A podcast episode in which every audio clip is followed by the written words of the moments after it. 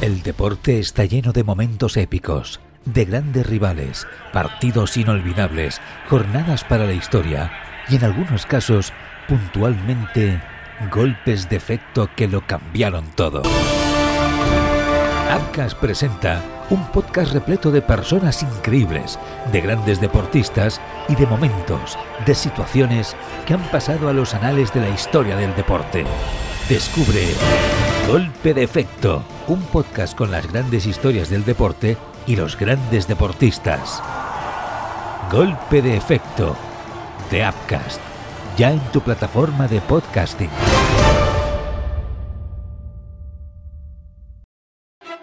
Bona tarda i benvinguts al Tribuna, un programa multiplataforma que pots escoltar en directe o quan et doni la punyetera gana. A la FM, en streaming, en podcast ara o a les 3 de la matinada.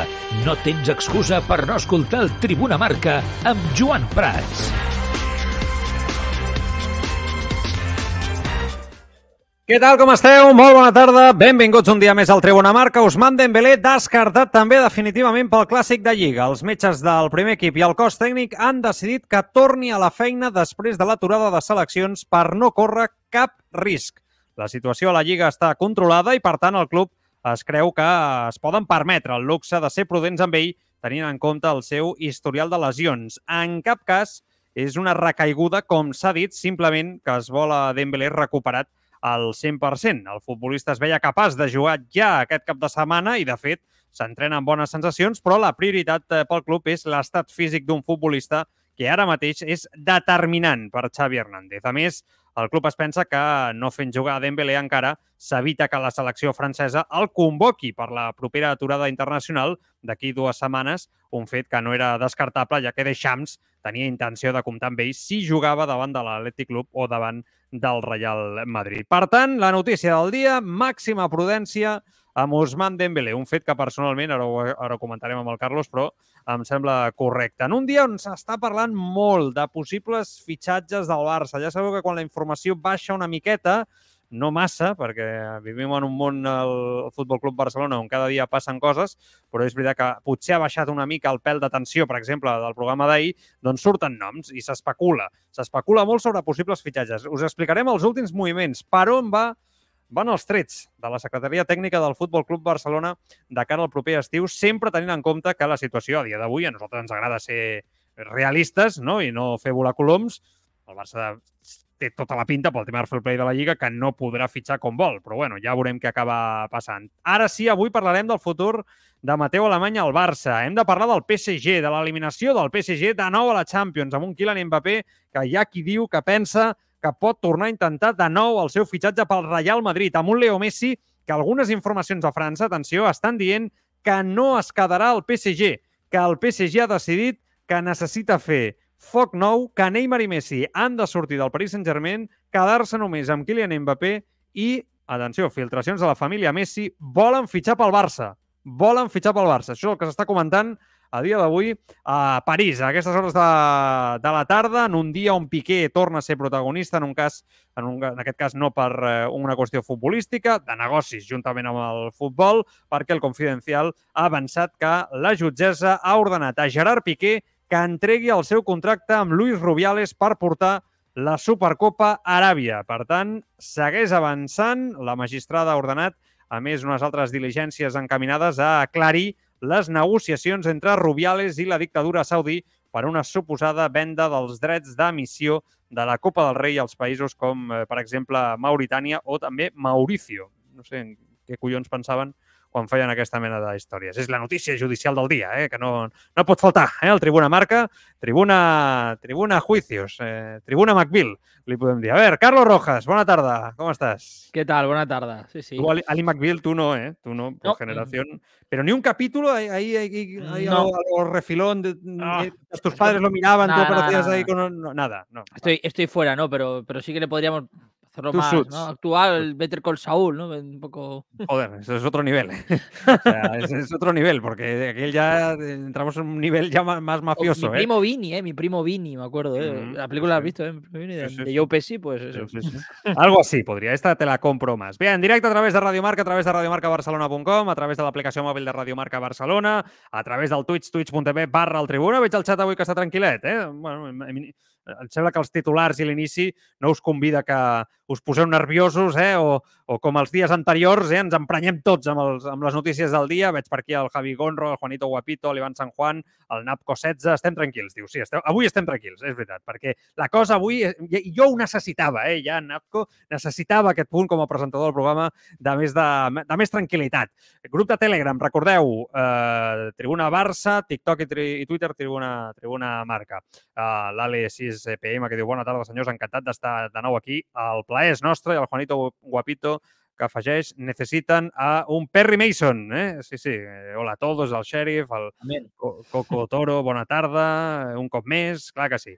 Clar que sí, estem tota la família, som una família, eh? passem les tardes conjuntament, mira lo maco que és això, tenim una passió conjunta, els oients, nosaltres, que és el futbol, el Barça, la vida del Barça. Bé, el tema Dembélé, Carlos, per posar la primera notícia del dia sobre de la taula, eh, aquesta cautela no? per part del cos tècnic referent a Dembélé, el protegeixen de la... Poc, poc es devien d'enrefiar refiar de Deschamps, em sembla, això ja per començar, seria el primer, la primera conclusió que es trec, no? que segurament si anunciaven la seva alta mèdica, Deschamps el convocava segur. Em sembla que amb Dembélé qualsevol prudència està bé, per tant, encara que ell cregui que pot jugar, encara que en condicions si el Barça estigués jugant la Lliga el proper diumenge d'una forma ferrissada a un punt de distància del Madrid, Dembélé jugaria. Eh? Vull dir, ningú té cap dubte. Ara, tens 9 punts d'avantatge respecte al Madrid, Sant Mamés, no. Madrid, tampoc. I després, pel tram final de la temporada, Dembélé al 100%, esperem, vés a saber, si també per eh, disputar una final de la Copa del Rei, que seria una mica l'objectiu i cap a on anirien els trets. A mi em sembla bé. Si fos un altre jugador, insisteixo, potser pots forçar més, menys, però casos Dembélé, Ansu Fati, no? amb uns eh, historials de lesions terribles els últims anys, una lesió, la de Dembélé, que es pot complicar, eh? i que ja se li ha complicat abans, però em, em sembla bé. No, no trobo tampoc un motiu... Eh, a veure, clar, futbolístics, no? Sí, clar, l'equip el necessita. Eh, a nivell golejador tenim problemes. Ofensivament Dembélé genera, no? Més que segurament qualsevol golejador. Soc conscient, però torno a insistir. mm, Tot i que el Barça està molt lluny a nivell futbolístic del Barça que volem veure en pilota, reconèixer que el Barça està traient els partits cap endavant. Sí, y que además el Barça tiene una, tiene una ventaja ahora mismo en Liga sobre el Madrid muy grande, que juega, se juega en el Camp Nou y además el Madrid tampoco está en un buen momento. Es decir, ya Claro, por eso, todos los eh. factores que no hay motivo, ¿no? Yo creo que eh, eh, el titular del programa de hoy sería diferente si el Barça estuviera un punto por debajo del Madrid, ¿no? O Estoy seguro que jugaría, jugador. segurísimo. Exacto, forzaría, seguro, no tengo dudas. Eh, es inteligente por parte de Xavi, sobre todo porque no estamos hablando de cualquier jugador, estamos hablando de Dembélé, que es verdad que en los últimos tiempos, salvo esta última lesión, ya había tenido, ¿no?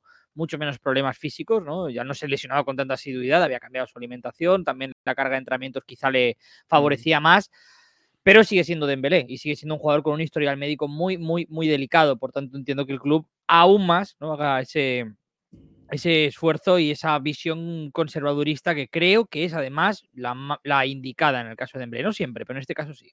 Mm, Está el caso Rafinha también. Yo creo que eso, ah, o sea, ver que Rafinha está actuando con cierto buen rendimiento y que está funcionando, entre comillas. Digo lo de entre comillas porque es verdad que, que Rafinha, bueno, ahora cuando se ha lesionado Dembélé ha tenido partidos mejores, algunos muy malos, pero en línea general, yo, en líneas generales yo creo que ha dado un paso al frente. ¿eh? Pero sigue sin ser aquello que fichaste o pagaste a, precio de, crack. ¿eh? Y, fichaste a un jugador que era indiscutible en la banda derecha de la selección brasileña y que en la última convocatoria ya no lo han convocado. ¿eh? O sea que ahora mismo, eh, estamos relativamente contentos con el interrogante de vamos a ver si en verano el Barça no lo vende, que yo creo que es una opción real para sacar dinero por el jugador. Pero sí que es verdad que que él, bueno, más o menos te está cumpliendo. Si tampoco Rafinha estuviera funcionando, también entendería que Dembélé, de alguna manera, forzara o el cuerpo técnico decidiera forzar, ¿no? También porque es verdad que ahí tienes a un futbolista que te está rindiendo y que te está dando unos números más o menos interesantes. Insisto, para lo que tienes ahora, ¿eh? con una ventaja en la liga amplia y partidos por delante donde la salida en San Mamés es claramente el enfrentamiento más eh, complicado de aquí al final de temporada, digo, fuera de casa y después ante el Madrid en el Camp Nou es el otro gran enfrentamiento de aquí al final de temporada. O sea, quiero decir que hasta el calendario es benévolo para el Fútbol Club Barcelona hasta para cuando acabe la, la, la Liga. Per tant, jo, jo crec que han actuat bé. Eh, no sé si Dembélé estarà més o menys content amb aquesta decisió o més o menys conforme, perquè em sembla que per les sensacions que ens transmetia, s'ho estava passant molt bé en aquesta temporada, estava gaudint molt del joc, no? Dembélé estava sent molt protagonista, s'estava sentint una persona no? molt activa i molt important al vestidor, i jo crec que això, quan un jugador es troba en aquest estat de gràcia, eh? en aquest estat de forma, fins i tot també mental, no? en un bon estat de forma mental, vol participar quan abans millor, i escolta, la competència és bona perquè mm, i espavila els futbolistes, els fa ser professionals, però també és veritat que la competència complica el ser titular i, bueno, pues, eh, Dembélé ha de veure, no? Un Rafinha que, que té bons números. Insisteixo, les sensacions no tenen res a veure amb Dembélé, però els números estan allà. Fins i tot ha jugat més minuts Rafinha, ho repassàvem l'altre dia, que el mateix eh, Dembélé i porta, em sembla que era, no, Carlos, un gol més, no? Un gol més llevava, sí. no? Sí, sí. gol més era. Bueno, doncs porta un gol més Rafinha que el mateix, eh, que el mateix Dembélé. No? Bueno, doncs allà està aquesta notícia del dia, que no té més transcendència, més enllà del que, del que és important, sens dubte, eh, pel, pel Barça, per, eh, per l'equip. Ara anem a parlar de fitxatges. I aquí segurament ens aturarem una estoneta més, perquè hi ha molt rumor, molt moviment. Estem a gairebé mitjans de, del mes de març. És el més normal ja que tots els noms que el Barça té preparats pel proper estiu estiguin filtrats. O sigui, ja és habitual i celebro que sigui així, perquè en altres moments ens hem sorprès, no? I hem anat a córrer cuites i després ens fotem unes jets al mercat de, com un piano. O sigui, celebro que el Barça, en aquest cas, doncs, eh, doncs estigui ja treballant per la propera temporada. Tot el que direm ara ho hem de posar amb un asterisc. Hem de posar un asterisc. Per què? Perquè el senyor Tebas eh, i la Lliga diu que el Barça no pot fitxar hem de ser conscients d'això, i que hi ha un fair play financer que s'ha de rebaixar en 200 milions d'euros, que és una autèntica morterada de diners, és una autèntica barbaritat, tenint en compte que ja el, el sou de Busquets serà una part important que es reduirà d'aquests eh, 200 milions d'euros, però que eh, a dia d'avui hi ha una guerra oberta amb la Lliga interpretativa respecte a la llei, que el Barça ja ha portat un cas, que és la inscripció de Gavi als tribunals, que jo segueix el seu, el seu camí i que estem pendents a partir d'aquí com pot, pot acabar influir els moviments del Barça denunciant a la Lliga per també acabar fitxant aquest mateix estiu. Llavors, amb aquest asterisc que dic, a partir d'aquí el Barça fa la seva feina per si de cas pot fitxar. Si pot fitxar, bueno, moviments, moviments que s'estan eh, que s'estan donant. Per començar, el Barça que va per totes per Florian Wirtz migcampista del, de 19 anys del Bayer Leverkusen, un valor de mercat de 70 milions d'euros, ja per tant ja ens, tiren cap, ens tira cap enrere, això, 70 quilos. Pot jugar en qualsevol posició del mig del camp, tot i que darrerament està jugant com a fals davanter centre. Fa un any es va trencar els lligaments, però s'ha recuperat eh, perfectament. És una de les sensacions joves d'Europa. De, és una petició personal aquesta de Xavi Hernández, després d'una recomanació que sembla que li ha fet Xavi Alonso que el coneix bé per haver-lo entrenat i amb qui Xavi manté una estreta relació de la seva època a la selecció espanyola i a partir d'aquí el Barça sembla que l'ha començat a, estudiar i els informes que té el club són bons. Però insisteixo, és Xavi Hernández el que diu Florian Wirth del Bayer Leverkusen, és el que m'interessa, l'he vist, Xavi Alonso me l'ha recomanat, crec que pot encaixar pel mig del camp del Barça. Bueno, eh, ¿es imposible este jugador, Carlos? O sea, por valor de mercado, ¿es un jugador que va a estar muy cotizado en verano o, o, no? O sea, ¿esto es real? Yo creo que o, está eh, inflado esto? Precisamente por el tema de, de, la lesión que tú dijiste, que tú comentabas que ha vuelto muy bien de, de, dicha lesión, mm, creo que no va a ser el mercado de Florian Wirtz, pese a ello, ¿no? Y, y los grandes de la Premier, ¿no? Que es un, un poco la amenaza del mercado, podríamos decir. Eh, quizás sea la gran atracción del 2024, un poco no como el año pasado veíamos en 2022 que lo, que lo de Bellingham este año iba a traer cola, pues algo, algo similar, pero está claro que es un jugador de, de muchísimos quilates, ¿eh? es un jugador de mucho dinero, es un jugador muy cotizado. ¿A quién te parece, Carlos? Tú, tú que quizá lo has visto es más complicado porque es un jugador es un jugador muy moderno, es decir, no, no tiene una posición tan, tan fija, ¿no? Eh, a ver, de los actuales, a mí me recuerda en cierta manera un poco a Pedri, Florian Birch, a pesar de que, insisto, es algo más polivalente, quizá no, Ajá. a día de hoy no, Pedri, brilla, ¿eh? no brilla tanto, sí. De los Lo ves un actuales, poco sí. así. Sí, sí, yo creo que es un jugador que, que puede encajar perfectamente en el, en el Barça en este. en Me este llama la atención que Xavi Alonso recomiende antes jugadores a Xavi para el Barça que al Madrid. También te lo digo, ¿eh? Ah. Bueno, pero lo es que esto de recomendación igual, ¿no? Pues un poco... Bueno, eh, oye, pues ¿cómo que- te va? ¿Qué tal? Oye, Claro, ¿qué tal tú por que este Alemania? Hostia, es pues tengo aquí un tico, te mando un par de vídeos para que te lo veas porque es buenísimo, tío. Y Xavi dice, Claro. joder, pues este lo quiero para mi equipo. Claro, es que probablemente sea así. No creo que le haya dicho, mira, fíchate para el Barça. Ya, No, sí. no, pero, pero, pero aparte Florian Birch, si no recuerdo mal, ya en meses anteriores, alguna vez le habían preguntado por, por su equipo favorito y demás, ¿no? Y siempre había dicho que era, que era el Barça, ¿no? Curiosamente. Por tanto, ahí yo supongo que el club también ha estado atento al entorno del jugador y ha visto que, que habría predisposición a un fichaje, ¿no? Me parecería un, eh, un golpe de, ahora que hablábamos de fichar a un joven, ¿no? Que justo esté en el punto a- al- antes, ¿no? De, de su... de Explosión definitiva, ¿no? O sea, Exacto. Yo creo claro, que, a este es el eh, caso, ¿eh? Pero, pero sí, pero el caso es fichar a Pedri eh, por 5 millones que se pueden acabar haciendo no, pero 20 y ya- pico claro, eh, con como variables. de O, Mol- Moleiro o Pablo Torre, ¿me entiendes lo que quiero decir? Pero, pero claro, este, fichar por 60 kilos a un chaval de 19 años ya lo estás pagando a precio de super mega crack. O Quiero decir que eh, es un Ferran Torres, que si no te viene el primer día y te rinde, la presión que tiene ya es enorme. ¿eh? Lo digo para entender un poco el contexto del chaval que estamos hablando, que parece que Sí, media sí. Premier lo quiere, ¿eh? que, que todo el mundo va detrás de él. Y el Barça parece en España, que és el equipo que Xavi lo tiene entre, entre ceja i ceja. Bueno, molt difícil, aquesta informació és interessant, no?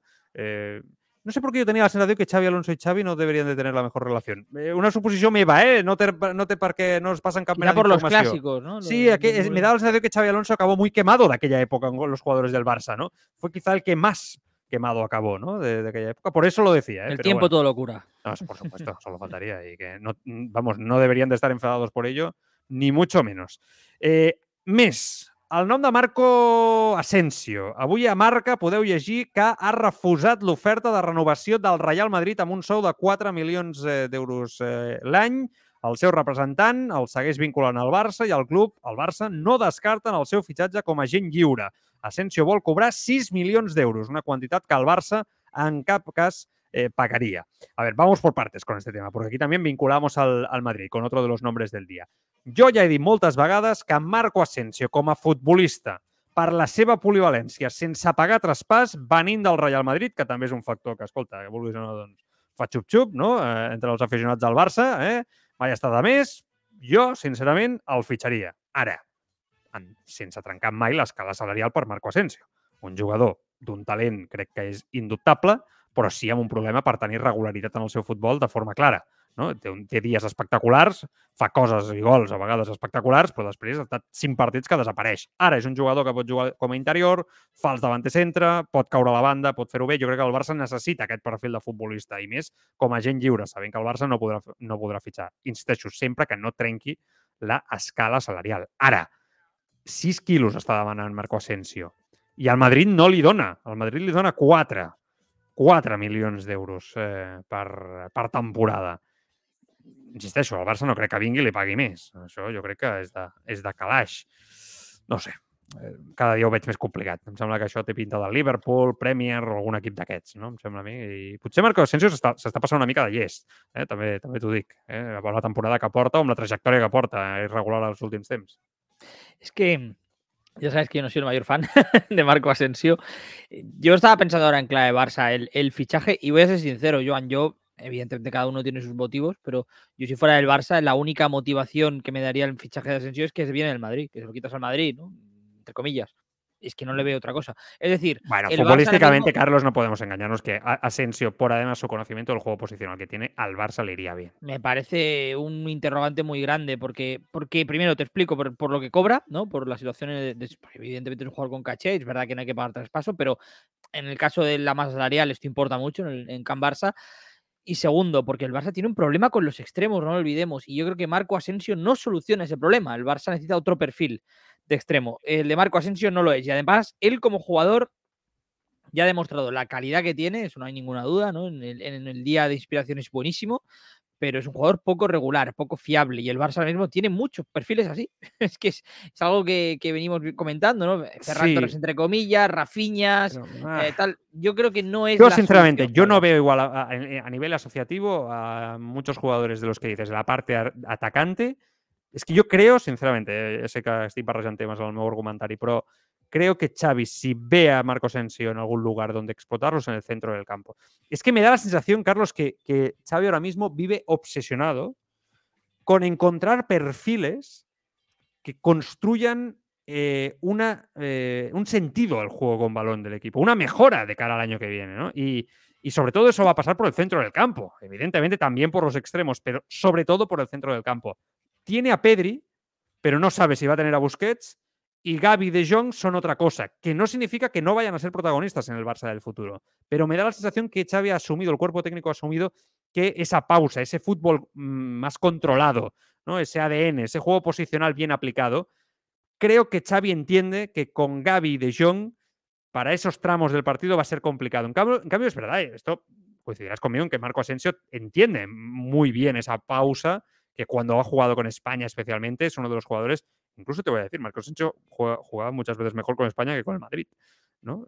Sí, en mm, algunos partidos sí. Entonces, creo que va por ahí el tema, ¿eh? de, que Marco Asensio pueda venir al Barça. Es un jugador que tiene cierto gol, eh, tienes un 9 de una edad como Lewandowski que no sabes si vas a tener un suplente para él de garantías el próximo año. Marco Asensio podría jugar ahí y sabes que además ganas otro jugador para mantener altos porcentajes de posesión de balón.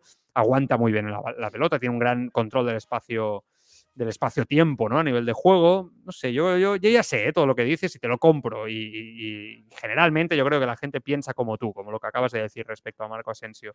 Pero yo me intento poner en la piel de Xavi.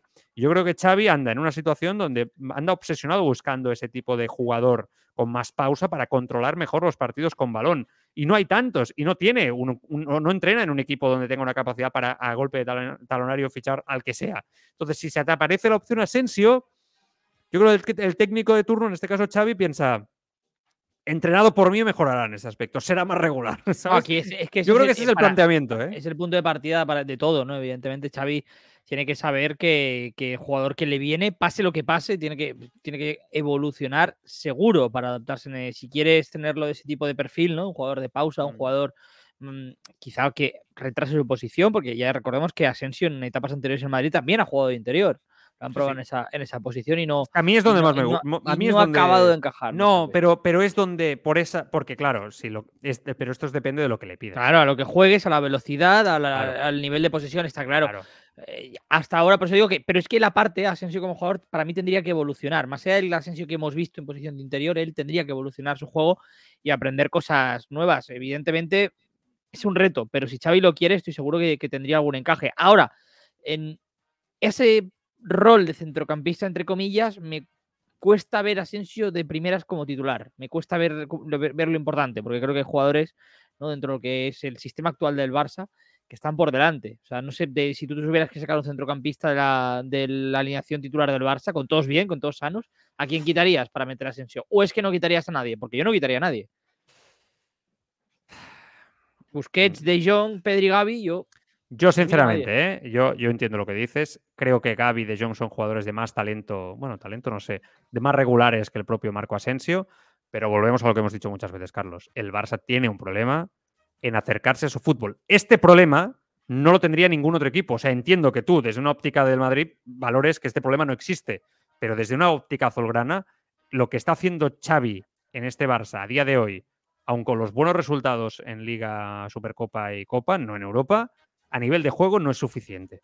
O sea, generalmente no le vale. O sea, si el Barça el año que viene a estas alturas sigue jugando así, Xavi va a tener un problema muy importante para seguir como técnico del Barça y la crítica se va a cebar con él, porque el margen acaba en junio. Entonces, ¿sabes lo que quiero decir? Entonces, al final es, ¿Gaby y De Jong son mejores a día de hoy, más regulares? Yo creo que sí, pero también es verdad que quizá Xavi está buscando fijarse en futbolistas que le aproximen a esa idea futbolística más adecuada, por mucho que tenga que sacrificar quizá algunos jugadores que en algún caso, en el caso, no digo lo sacrifique, pero que, dejen paso a, ¿no? a otros futbolistas para ciertos momentos de partidos, quizá que tengan más talento que ese nuevo fichaje.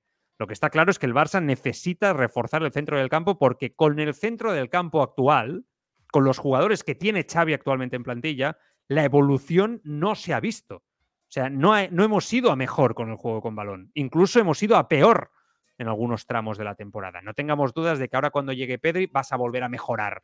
Pero con Pedri tampoco has conseguido controlar 100% los partidos. También te has replegado. Cuando Pedri tiene el bajón físico, a partir del minuto 60, el equipo se va para atrás. Por lo tanto, tienes un jugador que te domina el juego con balón y, entiende perfectamente desde el tener la necesidad de, tener el balón lo que necesita el partido en cada momento. Uno, necesitas algo más. El Barça es otra cosa. Y Xavi tiene un, concepto muy claro de cómo jugar con balón y cómo tiene ese ADN que ser. Para controlar los partidos. Y no te digo que tenga que ser como en la época de Guardiola, porque tienes jugadores diferentes, pero lo que está claro es que el Barcelona, pues eh, a mí ya me vale que controle los partidos con balón como lo hacía con Fran Rijkaard.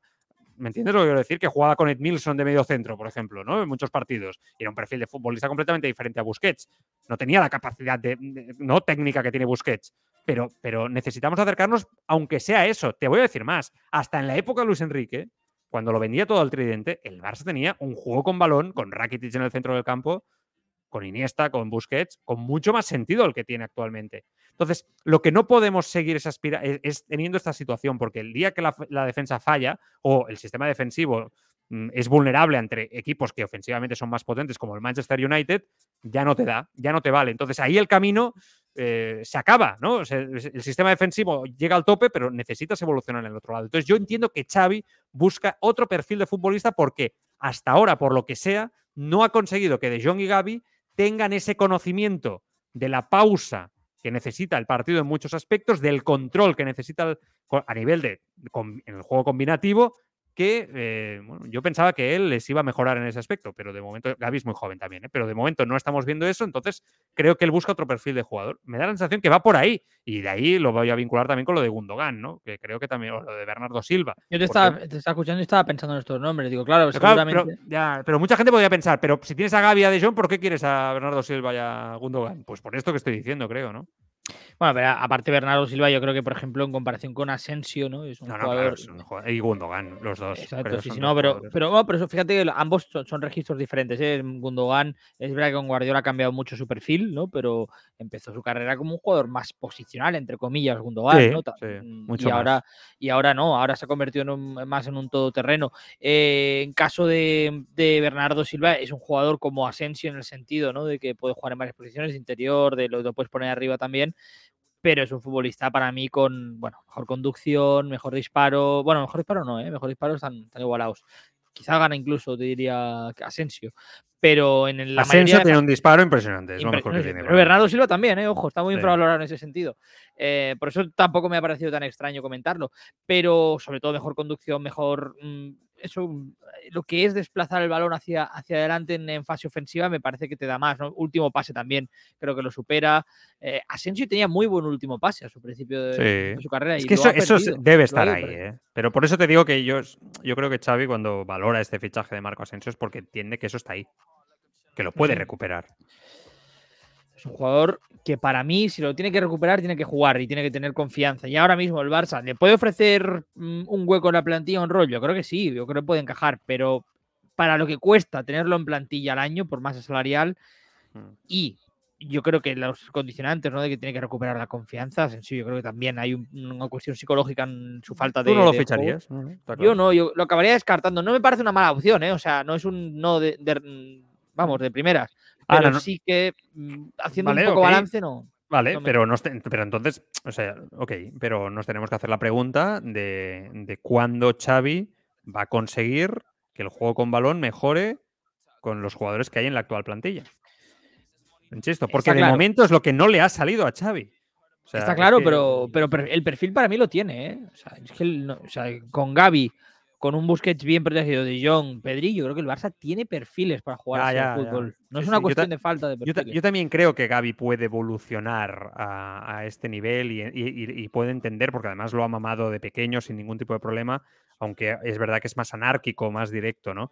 Con De Jong tengo más dudas. O sea, De Jong está brillando mucho esta temporada. Está haciendo un temporadón De Jong. Yo creo que, oye, no se puede decir lo contrario. Pero ¿cuándo brilla? Cuando los partidos se rompen.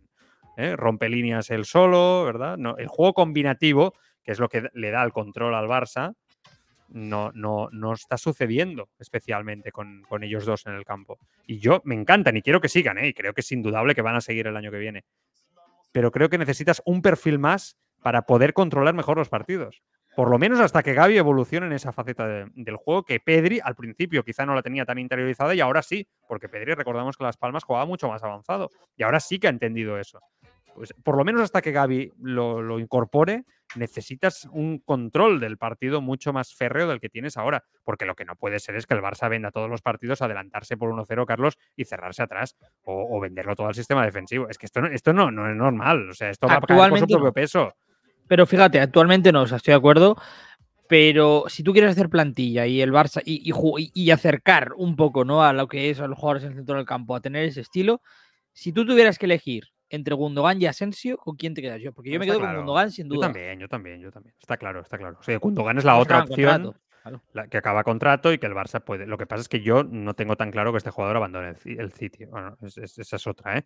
eh bueno, anem a parlar d'altres noms, no? Eh, perquè després està la informació del Mundo Deportivo que explica avui que el pla del Barça és fitxar un lateral dret, no hi ha cap sorpresa al respecte, un defensa central esquerrà, jo aquí sí que estic més sorprès. Un migcampista, que és el que estem parlant, no? un migcampista que tant pot ser l'alemany que ara comentàvem, o, o el cas d'Asensio, que el podríem introduir aquí, o el cas de Gundogan, bueno, ara parlem de noms, i després un davanter, un davanter centre. Amb el fair play financer com a gran dificultat, com hem dit abans, sempre tot posat amb l'asterisc aquest. Els noms serien Foyth del Villarreal, pràcticament impossible. El, el propi club ja eh, ho descartarien per preu de sortida, el Villarreal davant a 60 milions, Dalot, que acaba de renovar el United, és l'altra opció, Munier, també per lateral dret, el que passa, Munier ja té 31 anys, també té una edat, per tant, cap dels noms, sota el meu punt de vista, per lateral dret, a mi em tranquil·litza de cara a tenir controlada la posició, així de clar us ho, us ho dic. Laport, Emeric Laport, que els últims dies ja sabeu que s'ha comentat molt podria, eh, que podria sortir o que ha demanat sortir del City pel central esquerrà, fet que deixaria Marcos Alonso com a segon lateral darrere de Valde i sempre valorant la sortida de Jordi Alba, que aquesta és una altra. Jordi Alba encara li restaria un any més de contracte. Mm, no sé, en aquesta notícia donaven per fet que podia sortir. Jo no veig tan clar que Jordi Alba vulgui sortir del Barça. Però bé, el tema Zubimendi segueix sent la primera opció pel, pel mig del camp, tot i que sembla que també està bastant descartat pel que demana la Reial Societat i que al jugador li agrada molt l'opció de fitxar per l'Arsenal d'Arteta. A partir d'aquí entra en joc Gundogan, no? que arribaria lliure del City, Bernardo Silva, que és el gran desitjat, eh, que és el jugador que jo crec que millor s'adaptaria a tot perquè et resol el problema de dalt, et resol el problema del mig del camp, és un jugador espectacular. Per la posició de davanter centre volen incorporar Vitor Roque, el brasiler com a gran eh, objectiu, i, i finalment està el tema d'Abde, jugador cedit a Osasuna, que agrada molt a Xavi, que és possible que es quedi al primer equip, ja pràcticament es descarta que, que se'l vengui, i a partir d'aquí Ferran Torres apunta a que seria la primera opció per ser venut aquest pròxim estiu i cap de llavors entrés en, en dinàmica. El tema de Nico, de que tornés al primer equip, pràcticament està descartat a dia d'avui per la temporada que ha tingut el, el València, per tant la idea és que tornés a, a anar cedit. Este es el plan. Esto parece que es lo que hay ahora mismo encima de la mesa. El plan que hay en el despacho de Mateo Alemán, Jordi Cruyff y compañía. De todo esto, a ver qué sale. ¿eh? A ver qué sí. sale. Sí, porque eh, fíjate que yo entiendo que, que, a Xavi le guste mucho Juan Foyt, ¿no? Y que, y que sea prácticamente imposible, como tú comentas, por la cláusula de 60 a mí no millones, me convence, ¿no? Exacto, a mí no me parece. De los nombres que has dicho, entre Dalot, Meunier y Juan Foyt, no sé, incluso diría que es... No, no, todos, to, todos, son interrogantes. Sí, todos son interrogantes, pero quiero decir que, que, si tengo que hacer una inversión dentro de cabe, no, no la hago por Juan Foyt, ¿no? De los tres. Creo que seguramente mi perfil sea más Dalot, ¿no? Para, para el Barça también. También creo que es la más complicada junto con Juan Foyt, ¿no? A lo mejor Meni es la, la opción más. Este Pavar sentido... se cae de la lista, ¿eh? Como parece sí. que va a renovar por el Bayern. Sí, va, a acabar, sí. va a acabar renovando.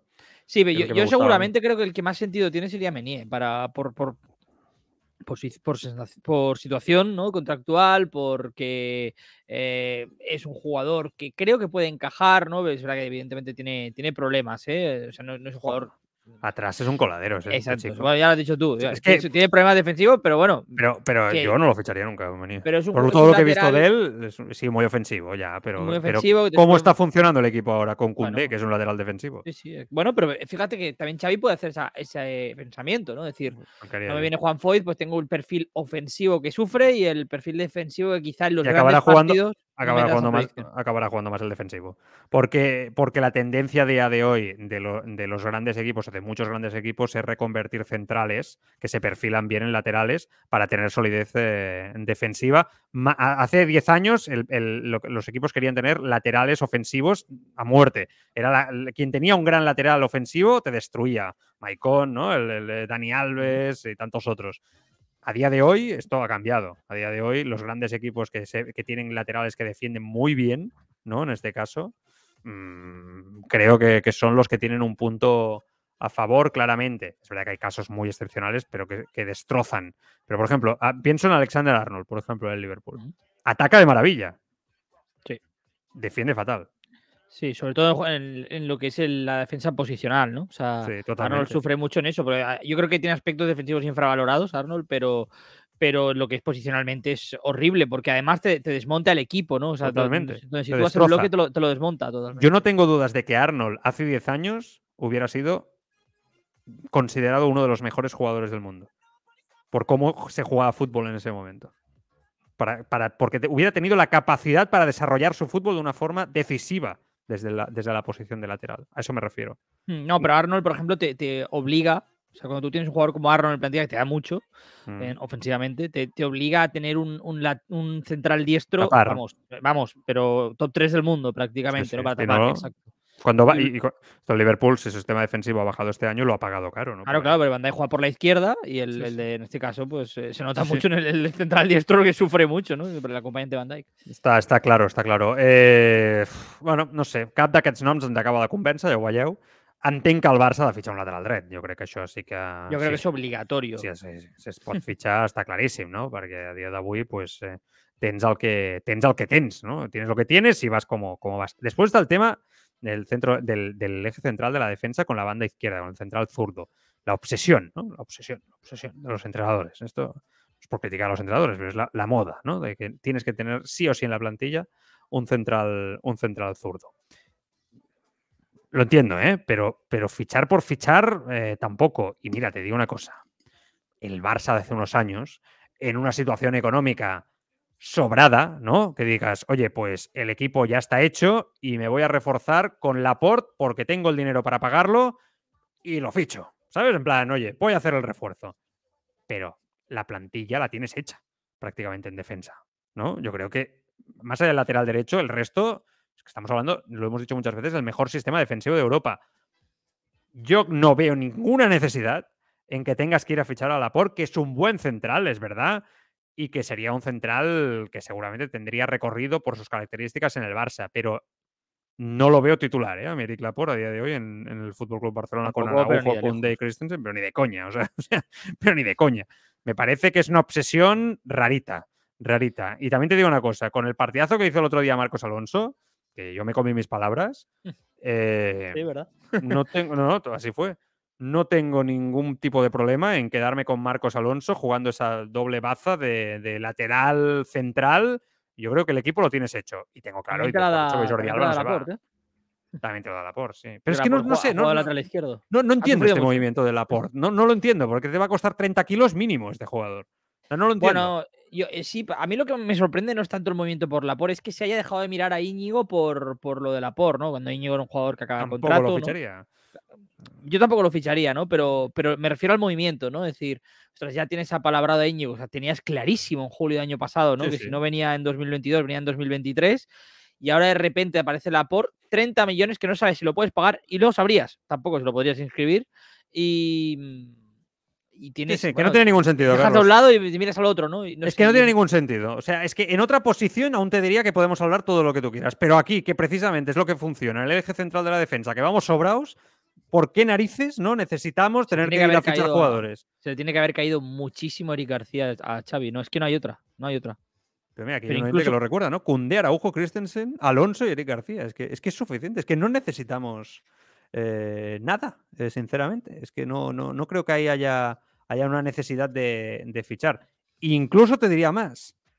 Si Jordi Alba se va, algo que yo vuelvo a repetir, lo dudo mucho, que Jordi Alba se vaya del, del Barça. Yo creo que va a cumplir su contrato, aunque es evidente que ya no es titular ante Valde, que ha perdido esa batalla esta temporada. Mm, pues nos quedamos con los que tenemos, no sé, ¿no? O sea, es que yo, yo sinceramente, Marcos Alonso te puede hacer esa doble función. Eric García, Christensen, Cundé, Araujo, tendrás el lateral derecho, dando por hecho que tendrás el lateral derecho, por lo tanto, Cundé quizá ahí irá jugando, pero tienes combinaciones suficientes para, para combinarlo sin ningún tipo de problema. No sé, ¿eh? yo, es, yo, lo, yo lo veo así, sinceramente, pero veo y de forma sospechosa que suena demasiado esto de Emerick Laporte. Y hay demasiado interés por parte de focos muy bien informados que están posiciona- posicionando este nombre de forma constante. Y esto me hace pensar que hay algo ahí fuerte, ya llevo unos años en esto, ya sé cómo funciona, que hay algo ahí, mucha conversación abierta entre City y Barça. Me da a mí la sensación. Sí, sí, sí, no, no, es verdad que, que está muy bien, que, que la, la relación entre ambos clubes es muy buena, ¿no? Pero no sé, y Lapor a mí no, no- nunca me ha parecido un jugador, aun siendo un buen jugador, ¿no? No me ha parecido Sí. nunca llegar a ser super capital en el City de, de Guardiola. Es decir, Ah, la sensación en Manchester es que si Lapor se quiere ir, pues bueno, pues que se vaya. sí. Un poco, ¿no? Como la que haya habido con otros, con otros jugadores, ¿no? Pero, no es un futbolista intocable. Vale, pero sí que es verdad que tiene nivel para jugar en el City Hombre, y el Barça. tanto, y tanto, y tanto. Y y si el tanto. Barça tuviera un boquete en la defensa y fichara a Laporte, yo me alegraría. O sea, No el Barça para hace dos titular, años ¿eh? yo diría, Hay- vale, ok. No para ser líder, ¿eh? Para mí la defensa del Barça, titular sí, pero no para ser líder. Pues además tienes que- al descubrimiento del año que es Christensen, ¿no? Que te está jugando de maravilla y lo está haciendo de coña. Pues que seguramente a día de hoy se- Christensen está muy por delante de Aymeric Laporte. Estaría, sea, vendría como tercer central ahora mismo, ¿no? Te tienes que plantear si bueno. te vale la pena pagar 30 millones y la situación económica Cuarto. actual por un Cuarto. cuarto. Bueno, claro, Araujo, Koundé, es que Koundé está delante también. ¿eh? Claro, es que cuarto central. O sea, vendría a ocupar el lugar de Eric García. No es que no, no tiene sentido realmente. No tiene O sea, ningún si tú- sentido. Claro, si tú no estás buscando un lateral derecho, aún lo entendería, porque dices, ya hago la apuesta definitiva por Koundé, ¿no? Busco otro tercer central y la por, por lo que sea, imagínate, no te sale por 30, te sale por 15, me parece una oportunidad de mercado, me cuadra los números, voy para adelante. Me parecería ciertamente, y pues. el- Pero claro, si estás buscando un lateral derecho y aparte un, un tercer Sí, sí. central, Que además que tiene 28 años ya, que digo que no estás fichando un central de 20 años con el que no puedes tener una década de recorrido ahí también. Tampoco es el caso en este caso. Tiene 28 años ya Aymeric Laporte, que bueno, que es una buena edad, ¿eh? evidentemente, aún le quedan fútbol, años de fútbol por, eh, por delante. Eh, ja, jo estic, lle- estic, estic, estic llegint el Togromi, que sé que per on va el tema. Eh, ¿Qué representante tiene Laporte? Eh, yo creo que se me ha entendido todo cuando digo que hay interés constante en situar a Laporte eh, en, el, ojo de, los objetivos como posibles fichajes, ¿no? Hay una cierta obsesión incluso. I això és el que no me gusta, no? Eh, però bueno, vamos a ver què acaba tot esto. Bé, em, tema camp, eh, que aquest és un altre, un altre tema, no? Eh, aquí sí que jo, ja hem esgrimit tots els motius abans, amb el tema de Marco Asensio, ja hem avançat alguns dels noms de Bernardo Silva, Gundogan. Yo aquí sí que entiendo que teniendo estas dificultades, como decíamos, que tiene el equipo, ahí sí que se, ahí sí que se fiche a un, a un, a un centrocampista para asegurar o acercarse a esa, ese objetivo de controlar los, los, los, los partidos desde, lo- desde el centro del campo mucho mejor de lo que se está haciendo. ¿no? Entonces, yo creo que sí, el Barça debe de hacer una apuesta este verano. Ya veremos si puede hacerlo. Insisto, por el tema del fair play, que tenga el dinero para hacerlo, etcétera, es por Bernardo Silva. O sea, yo creo que a este, por este jugador, tiene 29, ¿no? Bernardo Silva, creo, 29 años, ¿no? ah, te lo digo. Sí, sí, yo creo que sí, ya. Edad ya está ahí, ¿eh? 28, 28 para 29. 20 bueno, llegaría con 29 años. Te da cuatro años de fútbol bueno al más alto nivel, un jugador que está hecho 100% para jugar en el Fútbol Club Barcelona, que en su día el Barça lo debería haber fichado, fue una cagada enorme. Yo creo que este fichaje sí que te asegura, ¿no? Que des un paso al frente en este aspecto que está siendo, pues, donde cojeas, ¿no? Futbolísticamente en esta temporada de una forma clara. Posible, parece casi imposible. Lo que pasa es que él dice que se quiere ir, Guardiola siempre dice que si se quiere ir que se vaya, y el City parece que está esperando que el Barça haga una oferta desde hace dos años. Pero el Barça no hace oferta por diferentes circunstancias, pues no tenía dinero, ni fair play, ni- y al final, pues vete a saber si se acaba convirtiendo en esos, esos jugadores que están llamados a fichar por el Barça, pero por lo que sea, pues no lo acaban, no acaban jugando nunca en el Barça, ¿no? Eh, podría llegar a, a- a pasar. Es una, es una opción. No sé, si llegara Bernardo Silva, pues debería de, de salir después que sí, ¿no? Eh, también, que veo que aquí lo preguntáis, o algún centrocampista por ahí más de la plantilla. Yo creo que es el hombre, es el hombre. Ahora, Gundogan lo veo más posible, porque queda libre. Yo lo veo más posible, Más realista. más realista. Y, y voy a decir una cosa: Bernardo Silva es una de mis debilidades como jugador en lo los sé ya. últimos años.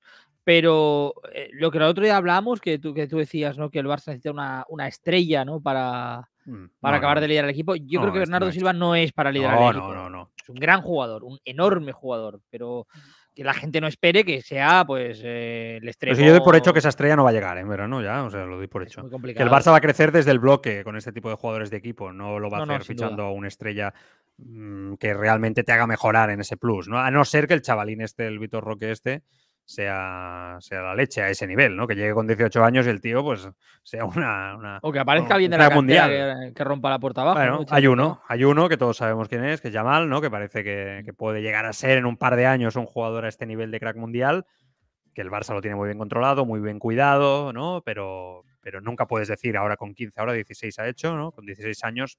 Queda mucho. Pero bueno, hoy en día cada vez se debuta antes y Sí. te retiran más tarde. Porque Ansu ahora decía lo de 29 años, Sí. Bernardo Silva 4 años, qui- quién sabe si nos da 6. O sea, ¿no? Porque- Ansu Fati, Leo Messi, dos jugadores con 16 años que ya veías que iban para cracks mundiales, ¿no? Mbappé, ¿no? Por ejemplo, con 17, 18 años ya se veía que iba a ser una, una cosa de locos, ¿no? Futbolísticamente hablando. Sí, eh, es verdad que este chaval está ahí. y Vamos a ver, ¿no? Cuando entra en dinámica de primer equipo, más allá de los entrenamientos, y lo podemos ver en algún partido, ¿no? A ver qué tal se desenvuelve. Yo recuerdo el día que debutó Messi que, que dije, hostia, esto es muy heavy, ¿no? ya, O sea, ha pasado algo. o sea, esto, esto es, esto es eh, parece un jugador trucado del FIFA. O sea, es, es- va- juega a otro nivel, ¿no? A otra velocidad. Y con Ansu nos pasa un poco lo mismo, ¿no? Al principio, o sea, cuando lo vimos jugar dijimos, ostras, este jugador, eh, no tanto como Messi, pero prácticamente fue una explosión impresionante la de Ansu Fati, ¿no? También en el primer equipo del Barça. Bueno, tema de las lesiones, ha perjudicado. Bueno, pues esa esperanza que tú, de la cual tú hablas, yo creo que es la que tienen un poco en el Barça con Yamal de que pueda ser, o so- con este Vitor Roque. Y ya amb això lligo a l'última línia, no? Eh, el tema de Abde a mí me parece prioritario. O sea, viendo que es un jugador que hace lo que hace sobre el campo, que sobre todo tiene uno contra uno, que es algo muy buscado en el fútbol de hoy en día, ¿verdad? Que lo está haciendo también, que está demostrando personalidad. La mayoría de jugadores que salen cedidos del Barça nunca, nunca vuelven mejores, o sea, nunca vuelven, de hecho, o sea, es una constante en este equipo. O sea, ahora que tienes uno que lo hace bien, que vuelva. Le gusta a Xavi, que vuelva. Yo creo es un jugador que de 22 años, es muy joven Abde, que tiene un potencial enorme y que en el Barça lo puede hacer a día de hoy mejor que Ferran Torres e incluso te diría que hasta Rafinha, ¿eh? por trascendencia en el juego. ¿eh? O sea, a día de hoy. Me parece por su perfil futbolístico, el rol. Sí, el rol, porque es un rol muy concreto. Es un Sí. rol muy concreto y que, Sí, pero ya me vale. Hombre, claro que te vale, porque, porque además es un jugador que en el uno contra uno no es uno de los mejores uno contra uno de la liga. defensas. Exacto, y en partidos de autobús. ¿no? necesitas. Tal, Es exactamente el tipo de jugador que, que, te, que te va bien, ¿no? Además, tiene un buen, tiene buen pie, ¿no? Para, para Sí, sí. centro, para por si necesitas conectar con Lewandowski también en el sentido que a veces a ti te desespera que el Barça juegue a centro, pues si al menos tienes un buen centrador y un buen rematador. Pero, pero ¿qué hace Abde mucho? Pon- hacer el pase atrás por raso. Sí, que es donde el, Que Barça, Barça 100%. Exacto, es donde históricamente el Barça ha hecho daño, o sea, no nos engañemos. O sea, el Barça ha colgado balones al área por arriba y ha marcado goles, claro, como cualquier otro equipo, pero históricamente por dentro es donde el Barça siempre ha hecho daño, en el juego combinativo. Eh, Jordi Alba hacia atrás, ¿no? Carlos, lo que hemos dicho, línea de fondo Jordi Alba, para, pocas veces cuando la llega a poner, aquello sale mal. Pues eso es lo que tenemos que buscar con Abde, ¿no? Tener un jugador de esas características. Yo Extremo creo que él sí, sí, pero, pero que al Barça, como juega un fútbol, si quieres vintage, le va muy bien. O sea, yo, yo es que creo que Abde eh, tiene quizá menos talento que Rafinha y Ferran Torres, fíjate lo que te voy a decir, pero a día de hoy es mejor jugador que ellos dos para el Barça. Es que, es- que esto quizás es un poco extraño ¿eh? lo que estoy diciendo, soy consciente. Pero creo que es un futbolista que, vamos, eh, a este año al Barça le hubiera ido de maravilla. Fantásticamente bien le hubiera ido al Barça. Ahora, ahora bien, eh, ahora hay que hacer la apuesta. Ahora, ¿quién quitas de aquí? Yo creo que Ferran Torres está, está sentenciado. ¿Coincidimos? ¿Sí? Sí, pero, pero cuando dices quién quitas te refieres de la plantilla, ¿eh? No del Sí, once. sí, no, no, todos no se pueden quedar. Tú no puedes traer a. Abde y quedarte con Ferran Torres, con Ansu, con Rafinha, con Dembélé, ¿no? Eh, traer al Vitor Roque este y Lewandowski. O sea, todos ahí no, No, no, caben. Diego Ferran tiene una cruz puesta, vamos, de forma clara, ¿no? Salvo que de aquí a dos, tres meses haga un final de temporada apoteósico, que, que yo ya no, No a descarto nada, pero no parece. Eh, me da a mí que, que se va, pero, pero es verdad que el Barça también tiene que ser inteligente ¿eh? con Ferran. Hago un, un pequeño paréntesis, que es no saber, moverlo en el mercado, es decir, que no se vea de forma clara que te quieres deshacer de él, porque si no, si el precio el, valor de mercado ya ha bajado mucho en los últimos tiempos, lo vas a devaluar todavía más. Y eso el, Barça no está para ello, ¿no? Está seguramente para intentar maximizar sus recursos. Mm. Que estaba pensando que yo creo que Ferran Torres se va y Rafinha ya veremos. Porque me da la sensación que el tema de Rafinha hay mucho miedo a no rentabilizar esa apuesta también. Entonces, como ya explicamos en su día, que el Barça había hablado con su representante para mm, apretar las tuercas, ¿no? De que debía espabilar. El jugador yo creo que ha espabilado tras esa conversación. Eh, pero ahora hay que ver mm, si el Barça hace una valoración a final de verano, porque tengo claro que Rafinha tendrá ofertas seguro de la Premier este verano. Estoy convencido de ello. Y después está la incógnita de Ansu, que quizá, yo creo venderlo no, aún no están en esta posición, pero una cesión no lo descarto, ¿eh? no lo descarto ahí tanto. Entonces, bueno, hay que ver, ¿no? A ver cómo combinas estas posibles bajas. Todos no, no, no, van, a, no van a causar baja. Bueno, tema Abde. Eh, Tucat també, i, i llavors després només queda el tema de, de Nico, no? que està al València, que, que seria un altre dels jugadors que vindria, que tornaria, ¿no? Està lesionat, pobre, que ha tingut molt mala sort, pero que yo creo que empezar a aceptar que Nico, que es un jugador de mucho talento y que tuvo una irrupción muy importante en el primer equipo con Ronald Koeman, no le gusta a Xavi. Yo creo que hay que empezar a aceptarlo de llamar las cosas por su nombre, ¿no? Yo creo que es un jugador que podría encajar, pero, pero por lo que sea, no, no es valorado por parte del cuerpo técnico en esas quinielas para ocupar, por ejemplo, la posición de mediocentro. El deporte es sinónimo de éxito, de triunfo, de gloria, de respeto. Los deportistas, atletas, jugadores, entrenadores son referentes, aclamados en todo el mundo y también son víctimas. Tribuna Marca con Joan Prats y el podcast Crímenes Ibéricos de Apcas.com presentan Crímenes Deportivos, el podcast que te narra las muertes y asesinatos de deportistas de todos los tiempos. Escucha Crímenes Deportivos en tu plataforma preferida de podcasting.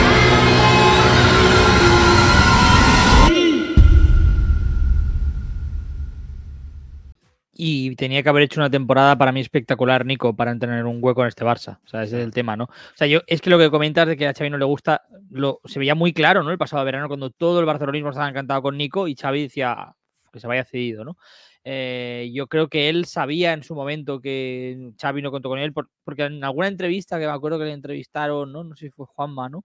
Que el tono de la palabra, el tono a la hora de hablar de Xavi, ¿no? Era, era bastante de, bueno, un poco a la expectativa, ¿no? No se le veía la ilusión de volver, ¿no? De, por ejemplo, cuando se le ha preguntado a Abde, ¿no? Se le ha escuchado a Abde, yo no lo veía con esa ilusión, yo creo que él sabía lo que había y la temporada para él no ha sido buena, ¿no? Es verdad que ha elegido un equipo, o el Barça ha elegido un equipo muy complicado, en descomposición institucional, como es el Valencia, más allá de futbolística, y, y bueno, no era el mejor entorno para crecer, ¿no? Sin duda para, para Nico, pero. Está de mal a mí ¿eh? esto de Nico, porque. mm, Pero eh, la- Yo lo veo fútbol da muchas vueltas, ¿eh? Ya, ya, ya, pero lo único que no, lo que no quiero sobre todo es que acabes pagando después millones para recuperarlo, ¿sabes? Eso es lo que, lo que a mí me da miedo en todo caso. ¿Sabes qué pasa? Yo, yo pienso mucho en Oriol Romeu, ¿no? Por ejemplo, me acuerdo mucho de él. Un jugador que cuando estaba en la cantera, yo me acuerdo que hablaban de él, eh, y si nosotros lo habíamos hablado incluso, que es- era evidente que Ori- Oriol Romeu tenía calidad para jugar eh, eh, en, en la posición de mediocentro en un equipo como el Barcelona, a la larga, ¿no? En- en- es que cuando subió del, del, del Barça B no estaba tan hecho, no, no, no se le dieron oportunidades y después él aún no estaba tan hecho. Pero al final ha acabado demostrando a lo largo de su carrera que es un jugador de mucha, mucho nivel, mucho nivel, que ha jugado siempre en equipos pequeños, porque muchas veces cuando estuvo en el Chelsea no tuvo ahí la, la- la opción, ¿no? ¿Verdad? De, de dar ese paso al frente. No sé, yo creo que, que no ha tenido. Me parece que con Nico puede pasar lo mismo. Es un jugador que sabes que en el estilo del Barça va a brillar mucho. Si se va a otro equipo, no tanto, porque está muy hecho al, al, al, estilo Barça. Ahora ya ya digo, Uriol Romeu no hubiera jugado con Bus delante. Si tienes razón, si soy consciente de ello, pero que qué bien le hubiera ido al Barça cuando Busi hace 4 o 5 años baja el nivel, tener a Oriol Romeu. Yo creo que en eso coincidimos todos. Pues con Nico me da la sensación lo mismo, que a día de hoy quizá aún no tiene ese nivel para ser indiscutible, vale. Pero que en 3-4 años quizás sí, ¿eh? está ahí preparado. Entonces ahí es que de- debemos de medir muy bien los movimientos con este tipo de jugadores de talento que son muy jóvenes a la hora de, sobre todo, pues como Ferran Jugla, lo vendo y no me aseguro una opción preferencial, ¿no? O ningún tipo de opción. Eh, es peligroso. No me gusta eso. No me gusta. No, pero, pero, pero también te digo que, que Xavi tiene que ser consecuente, ¿no? Y Xavi dice, no me gusta, pues mm, no cuento con él. El, el- el club yo puede, puede discrepar, la Secretaría Técnica puede encontrar otra cesión, a lo mejor, ¿no? Pero yo creo que otra cesión para Nico no es lo correcto. Es lo que va a haber, ¿eh? encontrar. ¿Eh? es lo que va a haber. Pues yo creo que no es lo correcto. Ti- Tiene que encontrar un proyecto en el que crezca, ¿no? Como, como jugador, como profesional, porque lo que no puedes es ir postergándolo, ¿no? Eh, yo entendería que Nico volviera y dijera, yo no me voy cedido más. O me quedo o me voy. Ah, ya, sí, sí. Bueno, en fi, són especulacions. Ja us hem dit que avui era un dia per parlar molt de fitxatges. Eh, Fa dies que volem parlar del tema de Mateu Alemany i ara avui que anem una miqueta més de temps ho podem fer. Eh, hi ha un run-run entorn al Barça. Ja, ara llegeixo missatges, eh, que sé que hi ha un fotimer i el, el Carlos té seleccionats aquí moltíssims i ara, ara els llegim. Però hi ha un run-run entorn al Barça ara mateix amb el tema, el tema de Mateu Alemany. Sabeu que va començar com una oferta sense massa importància de, de l'Aston Villa per, per Mateu Alemany, no? perquè que el volien incorporar com a director esportiu, com a mànager, no? Allà la Premier és el mànager, no? Que és un càrrec de prestigi per qualsevol equip, evidentment, de la, de la Premier League, que té, té un poder total. bueno, pues, eh, Aston Villa no, però ha aparegut el Chelsea. En els últims dies el Chelsea també s'ha aprovat a la, a la figura de Mateu Alemany. Hi ha cert dubte del que pugui passar eh? amb, amb Mateu Alemany, que encara li quedaria un any més de contracte amb el Barça, recordem-ho, eh? seria la propera temporada quan acabaria contracte. Estem parlant de la mà dreta de Joan Laporta, una persona prioritària ara mateix pel president del Barça, capdalt en la reformulació del projecte del Barça i que ha ajudat molt amb els seus contactes i la seva manera de fer a portar no? els jugadors que, que han vingut d'una forma, forma clara. Jo crec que estem parlant d'un professional que el Barça no tenia des de feia molt de temps, però que ara mateix doncs, és un interrogant el que pugui passar amb el seu futur. El, el Barça no ho tenen clar. Eh, es veu que també la certa postura del cos tècnic, no? demanant les continuïtats de Jordi Alba i de Sergio Busquets, diguéssim que a Mateu Alemany no li hauria acabat d'agradar. Diguéssim que Mateu Alemany hagués estat contrari a que fins i tot es valorés qualsevol mena de renovació per Sergio Busquets, sobretot pensant en el tema del fair play, entenent que és una etapa acabada i que s'havia de passar pàgina, i el mateix amb Jordi Alba. I que per aquí, diguéssim que cos tècnic, juntament amb Jordi Cruyff per un cantó, amb Mateu Alemany per un altre, veuen les coses d'una altra manera. Això, aquest, això ha generat un, un, cultiu de- d'especulacions de, juntament amb que arriben les ofertes de la Premier. Quan no hi ha res més que aquesta, aquest interrogant respecte al seu, al seu futur i veurem què passa. Jo l'única cosa que dic com a opinió, Carlos, es que a mí me sabría bastante mal, sinceramente, que un buen ejecutivo como Mateo Alemany el Barça ahora lo perdiera. Yo creo que el Barça ahora mismo lo que sobre todo tiene que proteger es eh, el talento también en los despachos, ejecutivamente hablando. Y te digo una cosa, respecto a la postura de Xavi con Jordi Alba y Busquets y la de Mateo Alemany, yo estoy con Mateo Alemany. O sea, Busquets, Jordi Alba, etapas acabadas, se acabó el tinglado. O sea, yo sinceramente, en este caso, creo que Xavi ahí mm, fuerza demasiado la máquina, estira demasiado el chicle con ellos. Sí, totalmente. Yo, yo- yo también lo pienso. Y además creo que el mm, sentir del barcelonismo es ese, ¿no? De la mayoría del barcelonismo, que la etapa está acabada. Mateo Alemán, antes de venir a Can Barça, ya era un- una figura de muchísimo prestigio. Yo creo que había ganado, se había ganado mucho, mucho el respeto. Y seguramente habría que echar la vista atrás para valorar aún más su figura, ¿no? Que el Barça ha tenido en ese cargo a gente no tan buena, eh, ¿no? A Vidal, ¿no? Por ejemplo, yo creo que, que fue pésimo en, Sí, sí. en su gestión, más No, allá no, de lo el- que él el- lamentable, o sea, no, no sé, lamentable, Mm. todos los niveles. Zubi también en su momento, bueno, es verdad que tuvo Ah, acierto, pero, aún- bien, pero, bien, aún- aún fue pero hacer. lejos de Mateo Alemán, ¿no? Lo que Robert Fernández por el camino, no olvides. Robert Fernández también, sí, por el camino. Eh, claro, dentro de cabe el más salvable, que tampoco creo que tenía el mismo rol. ¿no? Chiqui, Era, Chiqui. eh, eh, no, te iba a decir Ramón Planas, pero no era el mismo rol, ¿no? No, era, no, Ra- Ramón Planas lo hizo era muy más, bien. era más Jordi Cruyff, ¿no? Pero no, tampoco. Es que Ramón Planas era un complemento a, en el prim- al principio a Pep Segura y después Sí. a la figura más deportiva de Erika Vidal. Pero Ramón Planas era lo más parecido a Mateo Alemán que ha habido. De hecho, a mí me- mm, esto me lo han explicado eh, por, ya en dos sitios diferentes del entorno del Barça, que Mateo Alemán quería que Ramón Planas siguiera como fuera en el Barça. Estaba obsesionado porque le sabía muy mal. Lo que Ramón Planas, él, un, hombre de honor, digamos, entendió que nueva etapa, él se iba y no, había, no, no molestaba a nadie, ¿no? Había, había, sabía de foc nou, fuego nuevo, ¿no? Y a partir de aquí, pero Mateu, que lo conocía, sabía de la, Muy del bueno. talento de, de Ramón Planas. Yo, para mí, el mejor de esta figura a nivel global fue Chiqui en su momento. Es que no hay más que ver dónde está cada uno, Joan. Chiqui Sí, en el sí. City, Ramón Planas tiene un montón de ofertas, Erika Vidal ha desaparecido, eh, Robert Fernández ha desaparecido, ¿no? Es decir, a mirar- Kluivert, ¿no? Kluivert también entró por ahí una época a hacer no sé qué también. pero Kluivert estuvo en la cantera, ¿no? Estuve, llevó la, Sí, llevó a la cantera. es que es de locos. Patrick Kluivert, ¿qué dices? ¿Pero ¿Qué pinta Sí, aquí? sí. Era, eso eran los últimos sí. coletazos de, de Bartomeu, sí, sí. que lo puso a dirigir la cantera, es algo Es que es de eh, locos. con todos los respetos, ¿eh? O sea, es una figura legendaria del Barça, pero que no conoce la Una cantera. legendaria. A mí me gustaba. Kluivert, ¿eh? Como delantero, pero. Bueno, no- vale, me entiendes con legendario. Delantero de una, Una de una figura etapa oscura. Importante, mm, un jugador importante. Sí, pero delantero de una etapa oscura. eh, perdedora, ¿no? Muy polémica, Pero eso ya- con una rotura social importante, ¿no? Pero lo que que- está creo claro es que él eso no tenía ningún que vínculo ver con la. Lo que Nada, no tenía ningún vínculo con la cantera. eso Es que seguro. acabas de, sa- de salir de la mejor época de la historia del Barça respecto a la cantera y en vez de fichar, me lo invento, no sé, al que queráis, de la etapa gloriosa, fichas a Patrick Kluivert. Es que de verdad que, bueno, no nos pongamos nerviosos, que, que cada vez que pensamos en, en la etapa esta de Bartomeu no, nos, nos agitamos. Eh? I nosaltres aquí ja us ho dèiem, eh? ja us ho dèiem. Bueno, ja veurem què, què passa. Lewandowski a Barça TV, a les xarxes socials del Futbol Club Barcelona, parlant avui del temps, com és d'important no? a l'hora de implementar el projecte per poder instaurar, insisteixo, aquesta línia a nivell futbolística perquè acabi de funcionar del Futbol Club Barcelona. El- La veritat és que s'ha d'escoltar Lewandowski com a líder. Eh? Durant els primers mesos vaig veure que teníem molt potencial, però en el futbol no és tan fàcil canviar les coses en una setmana o un mes. Necessites temps i paciència.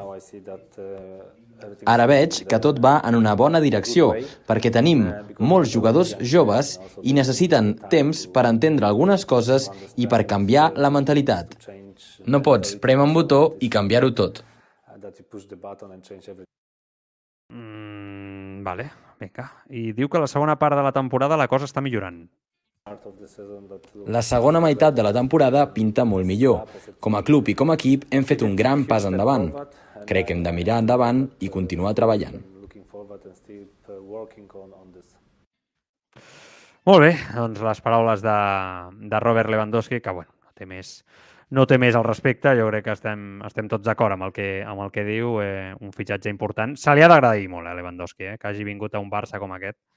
Jo crec que això s'ha de ser conscient que en la búsqueda d'un nou projecte, etc, però se li ha d'agrair que, que vingués al Barça, perquè el fàcil era quedar-se al Bayern de Múnich. Exacto, sobre todo en días como ayer, ¿no? Eh, Ahora, ahora, me- muy bien, Que muy ayer bien, él bien, estaba viendo el Bayern, seguramente, que lo estaba viendo, subí una foto en casa, ¿no? Eh, y él ahí tiene que decir, ostras, es que yo podría estar ahí jugando cuartos, ¿no? La semana que viene, haber estado tan tranquilo donde siempre con mi familia y hice esta apuesta, ¿no? De, de venir a, a Can Barça. Yo creo que ahí es cuando la gente tiene que valorar, ¿no? Que, que Lewandowski hizo ese esfuerzo, dejó ese equipo para, Mm. para venir a este. Totalmente. Bueno, en fi, uh, què estem fent amb les càmeres aquí, ara? Um, tema, tema PSG, bueno, anem, anem amb el tema de Piqué, si voleu, i que...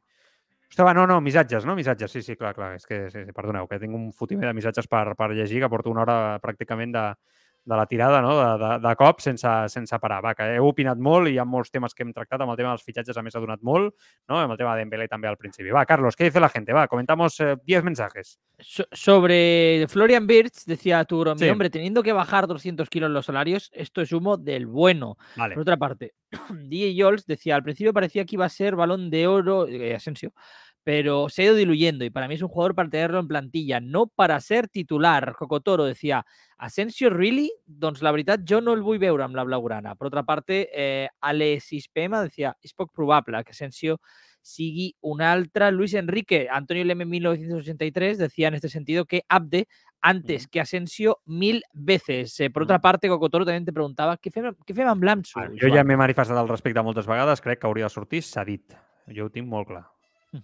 Por otra parte, LBS 1987 decía, Julián Araujo, ¿alguien sabe si tiene algo de nivel para el lateral? Uh, tres setmanes entrenant amb el Barça B i el que s'està dient entre bambalines és que el cos tècnic el veuen verd per uh, pujar al primer equip, que el veuen verd, que no el veuen preparat per jugar al primer equip. Pues todavía le queda un poco. Ya, en ese sentido también decía, dejen salir. Antes de entrar, comentario de Alcazaba 10, decía, yo a Rafinha no lo vendería. Me parece que cuando no está Dembélé va aportando y es válido para ese rol. Y dar descanso arriba, incluso ser titular como está haciéndolo ahora. Lo que sí necesitamos es un delantero centro para dar descanso a eh, Robert. Ansu, a Robert, perdón. Ansu no lo vendía, pero quizá cesión. Villarreal me gustaría. Ferran sí que lo vendería. El tema de Rafinha que diu, l'oient està molt bé i és molt interessant i segurament estem tots d'acord. El problema de Rafinha és que et costat- t'ha costat molts milions d'euros i amb el que has pagat per ell no, no pots eh, tenir-lo amb aquest rol que, que ell diu. Eh, en altres moments i èpoques del Barça sí, però actualment no. Si tu pagues 70 quilos per algú, no, pràcticament 70 milions ha costat, tu estàs pagant un jugador titular al Barça. El Barça actual, amb el club com el tens. Si no, no et compensa, perquè no pots fallar en això, això em refereixo. Hi ha un- massa risc. Un último comentario de Tugromi que decía, Abde no tenía que haber salido, no hubieras fichado a Rafinha y tendrías todavía a Aubameyang. Sí, Aubameyang lo hemos echado de menos, eh? això és evident. Bueno, el tema de, de Piqué és molt ràpid, no, no té més secret sobre el que ja hem explicat, és una informació del Confidencial. La jutgessa ha ordenat a Piqué que entregui el seu contracte amb la Federació Espanyola de Futbol i amb Rubiales per portar la Supercopa a Aràbia. Sabeu que aquest tema està sent investigat per un conflicte d'influències clar.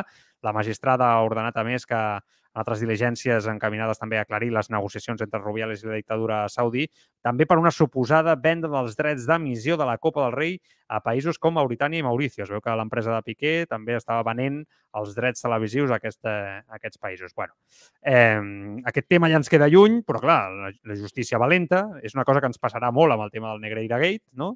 i amb el Barça Gate ja ens està passant, que de cop sortiran notícies, avanços, no? al llarg dels anys, perquè la justícia va fent la seva feina i ens haurem de posar de nou al mono, eh?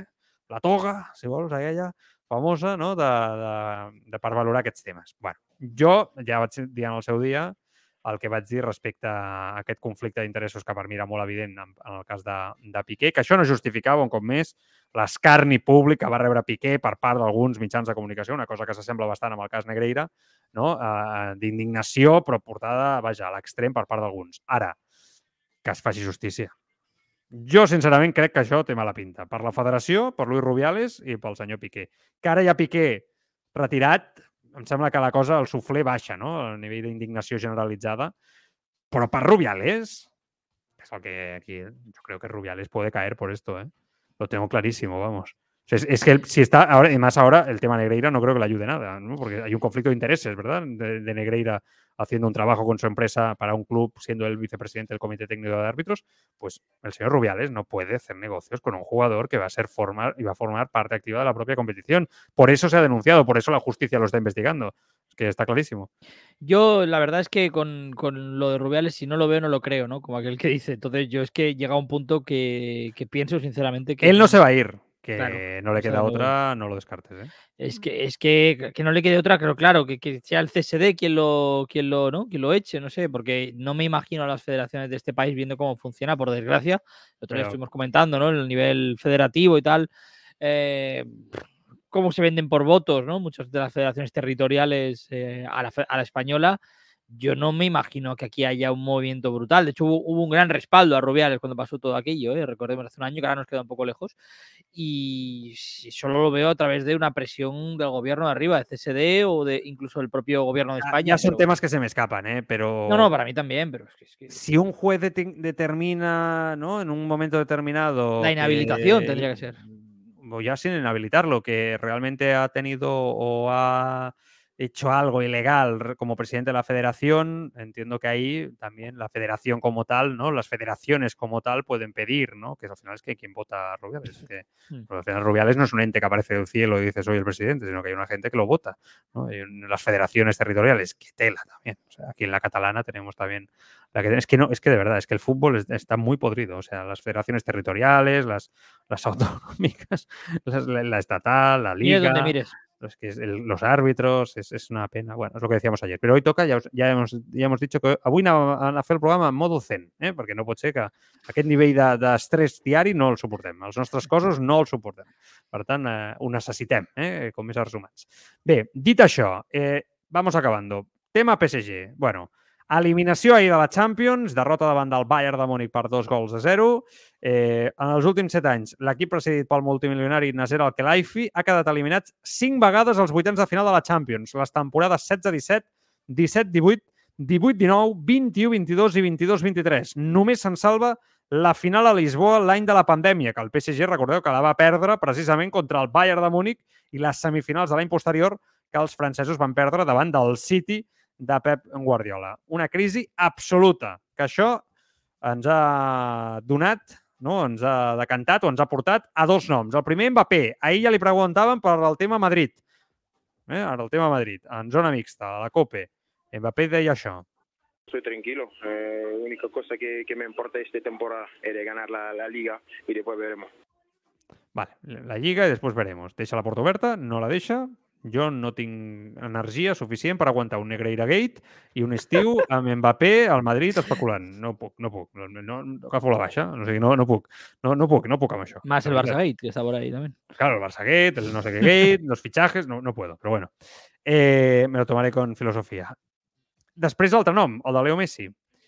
Estan avui a França de manera contundent. Eh? L'equip, eh, ESPN també, Stefan Edul, el, el periodista francès eh, d'ESPN a França, està explicant que el PSG a dia d'avui es decanta més perquè Leo Messi no renovi, però ja no és una qüestió de Leo Messi, sinó una qüestió també del propi eh, club.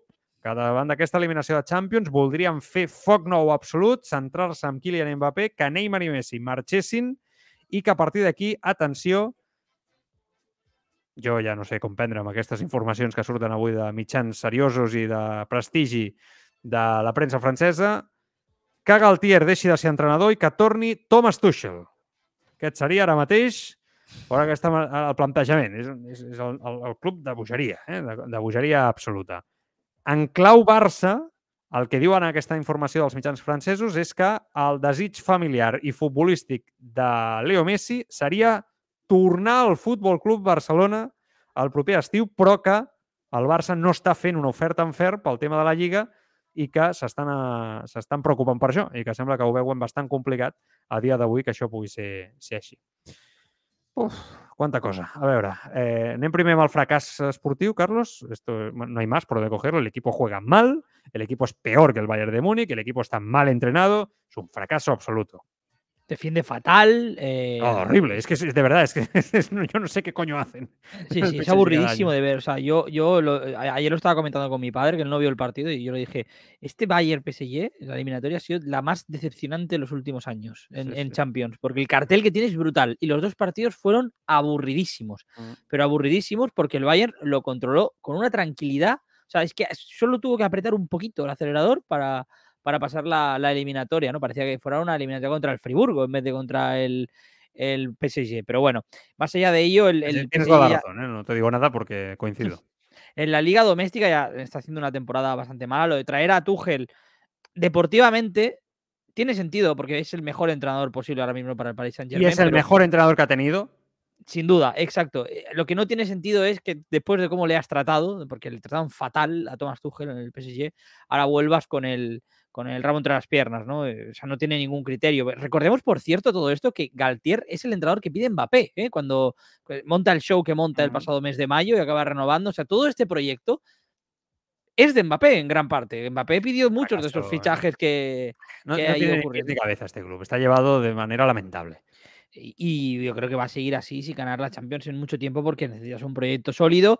Y lo más parecido al proyecto sólido que ha tenido el PSG se lo ha dado Thomas Tuchel y Ancelotti en 2014. Mm. Que en aquel momento también es eliminado en cuartos por el, por el Barça, era otro Barça, no un gran Barça, eh, pero podría haber llegado fácilmente a semifinales o final aquel equipo, que casi remontan el Camp Nou, me acuerdo.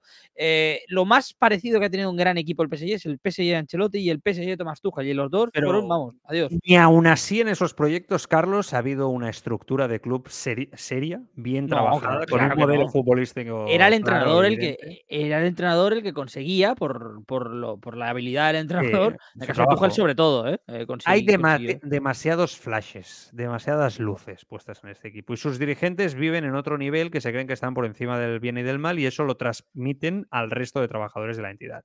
Y cuando todo esto aparece, eh, el fútbol no trabaja con la misma tranquilidad, todo lo contrario, se trabaja desde una presión, desde una manera de hacer las cosas pues precipitada, donde los cracks se creen a veces que son mejores de lo que en verdad son, los egos de los futbolistas entran ¿no? en liza y tienen una batalla de forma constante y todo esto no ayuda. Yo creo que el, el PSG ha entrado en una dinámica muy peligrosa como entidad, que es eh, creerse que es superior al resto de equipos, ¿no? Eh, Yo creo que moralmente, incluso económicamente lo es, ¿no? Pero moralmente se creen que son mejores, se pasean por Europa de esa manera y después les pintan la cara de forma humillante cada, cada primavera, ¿no? Porque prácticamente Está muy, cada está muy bien además, está muy bien que además eh, les eche siempre Barça, Madrid y, No, Bayern, es, ¿no? es Que es acojonante, porque es- la aristocracia europea. Claro, claro, es que es el modelo de club, ¿no? De- de- del, del billete fácil, ¿no? Del club Estado, fracasa ante el modelo antiguo, ¿no? De forma constante, ¿no? La vida les está diciendo, es que podéis tener el dinero,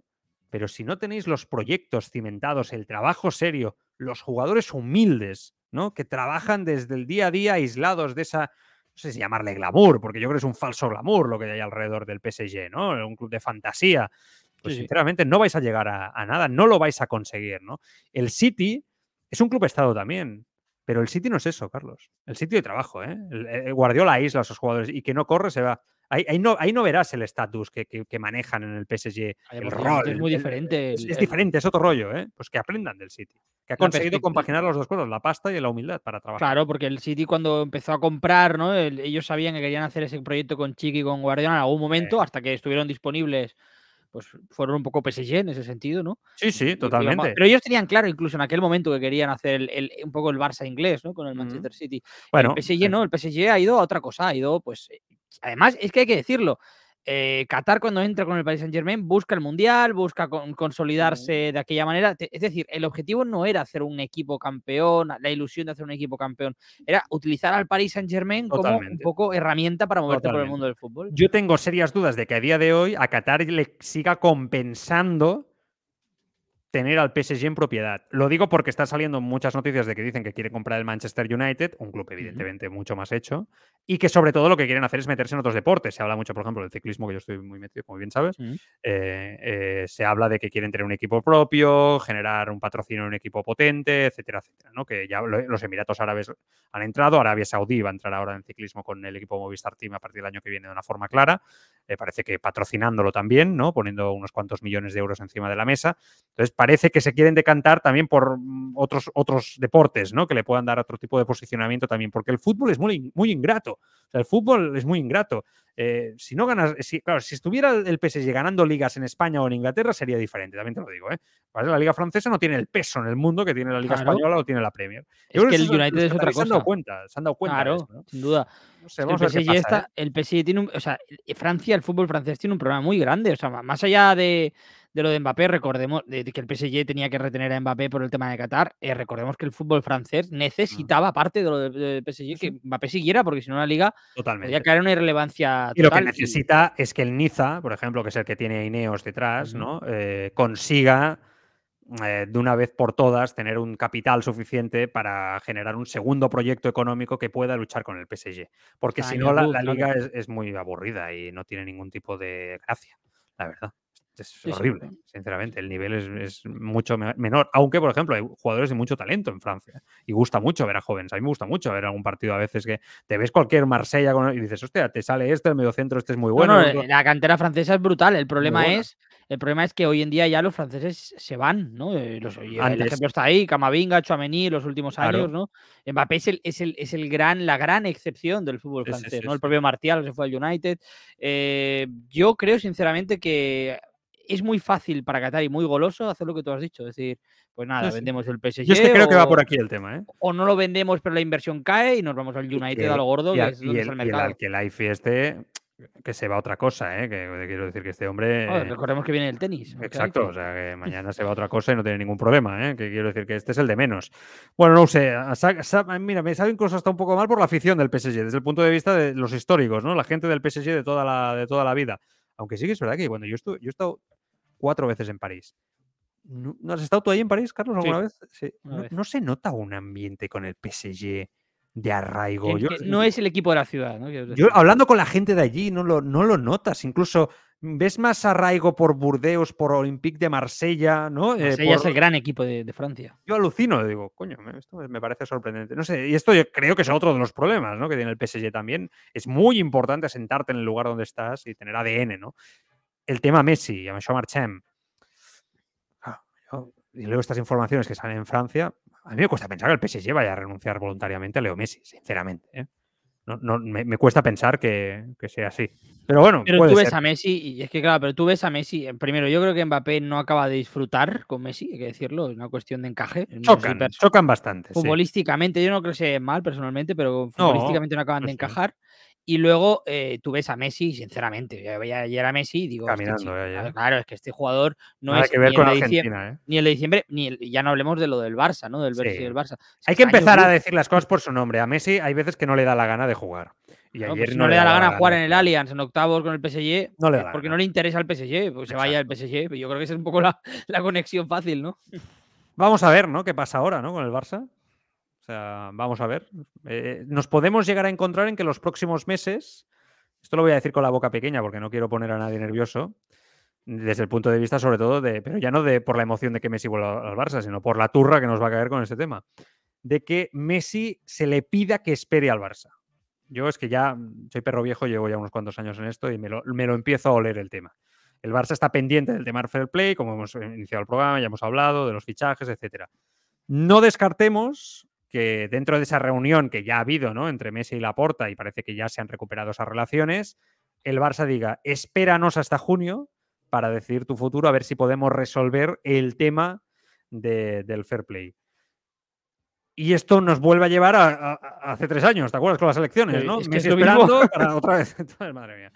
Tú imagínate que esta situación se da y que finalmente el Barça no puede fichar a Messi otro desaire de Messi con el Barcelona, ¿no? El, jugador más importante de su historia. El riesgo está ahí, es enorme. yo, creo, que, que tiene que aprender ¿eh? de, la, gestión, tiene que aprender del error. Hay que valorar muy bien, Carlos, el movimiento con Messi. O sea, como club tienes que valorar realmente, uno, futbolísticamente te interesa que vuelva Messi. Yo ya sabéis que no soy partidario de que Messi vuelva al Barça.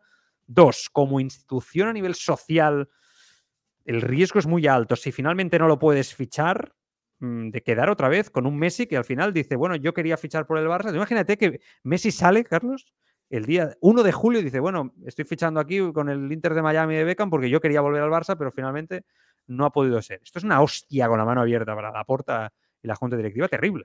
Por eso yo creo que, si realmente la posibilidad está ahí, la porta tiene que decirle a Messi las cosas como son, o a Jorge Messi, ¿no? Decirle, mira, Ahora mismo la situación es que no puede venir. Si queréis esperar, bien. Si no, es lo que hay. Nosotros lo vamos a intentar, pero no prometemos nada. Que no le diga que sí, que ya buscaremos la fórmula y tal, porque si no, sería volver a caer en el error del 2021, como tú comentabas. ¿Qué te dice la nariz? Yo creo, que, lo de Messi se ha acabado con el Barça. A mí me da la sensación de que el Barça está otra cosa ya. La puerta no, ¿eh? ¿eh? eh yo creo que la puerta de ¿eh? Xavi no, pero, pero el Barça. No, el Barça como proyecto, digo. sí, sí, sí, en eso coincidimos, yo también lo pienso. Pero Xavi y la puerta quieren que vuelva a Messi. No hay duda. La cosa es. Porque el cariño es mutuo, pero, las cosas al final o entran o encajan o no, ¿no? En la vida en general, ¿no? Yo creo que lo de Messi ahora mismo no encaja, sería forzarlo. Sería bonito por una temporada, pero sería forzarlo, no nos engañemos. Y te digo una cosa, la familia Messi quiere volver al Barcelona, yo creo que eso es evidente por calidad de vida, pero después hay otro factor, es el club que te debe millones, o sea, que te está pagando millones aunque te deben, si tú estás jugando ahí lo vas a tener todo más controladito que si estás fuera. Esto es como cuando te deben un dinero de un trabajo que has hecho. Si sigues haciendo ese trabajo, dices, bueno, pero tenemos un vínculo, vamos trabajando de forma conjunta, etcétera, hay esperanza. Ahora, si tú te has ido o has dejado de hacer ese trabajo ya, ¿eh? A ver si me lo va a pagar o, vamos a acabar mal, ¿no? Eh, porque la situación es la que es en el Barça. La Porta dijo que pagaba religiosamente a Messi lo que se le debía, que estaba todo controlado. Ok, de acuerdo, pero son muchos millones de euros lo que el Barça le debe a, una, a Leo Messi. Mm, estando en el club, insisto, yo estaría más tranquilo, ¿no? y además ahí puedes llegar a un apaño. ¿eh? oye, te pago lo que te debo y juegas un año no gratis, pero bueno, lo encajamos, ¿eh? lo encajamos de alguna manera. Hostia, pues quizá Messi entiende que ese rol le encaja, ¿no? De alguna manera, para poder cobrar lo que se le debe. No lo sé. Bueno, en fin, especulaciones varias. Eh, Carlos, eh, volvemos mañana. ¿eh? Tú no, vuelvo yo con Marc. Tu mm. viernes fiesta. Hasta el lunes. Tú hasta el lunes. que además el lunes vendrá el Barça a jugar en San Mamés. Y vete a saber, es la última oportunidad casi para el Madrid, ¿eh? No, no, el Madrid ya está. el Madrid lo veo fuera ya, ¿eh? Espérate que no acabe, no cabe la jornada con el Barça con más puntos todavía. sí, puede ser. Bueno, senyors, que tornem, tornem demà. Cuideu-vos molt. Gràcies per ser-hi. Adéu-siau. Los amantes del ciclismo ya tenéis vuestro podcast. Seas globero, amateur o profesional, apúntate a la grupeta de Escapa Podcast. La actualidad de la semana, las competiciones, ciclistas destacados, equipos. Escapa Podcast, con entrevistas, debate, la información técnica y las novedades del mercado de la bici gracias a la tienda líder de ciclismo. Escapa. Ponte el maillot con nosotros. Escapa Podcast en las principales plataformas de podcasting.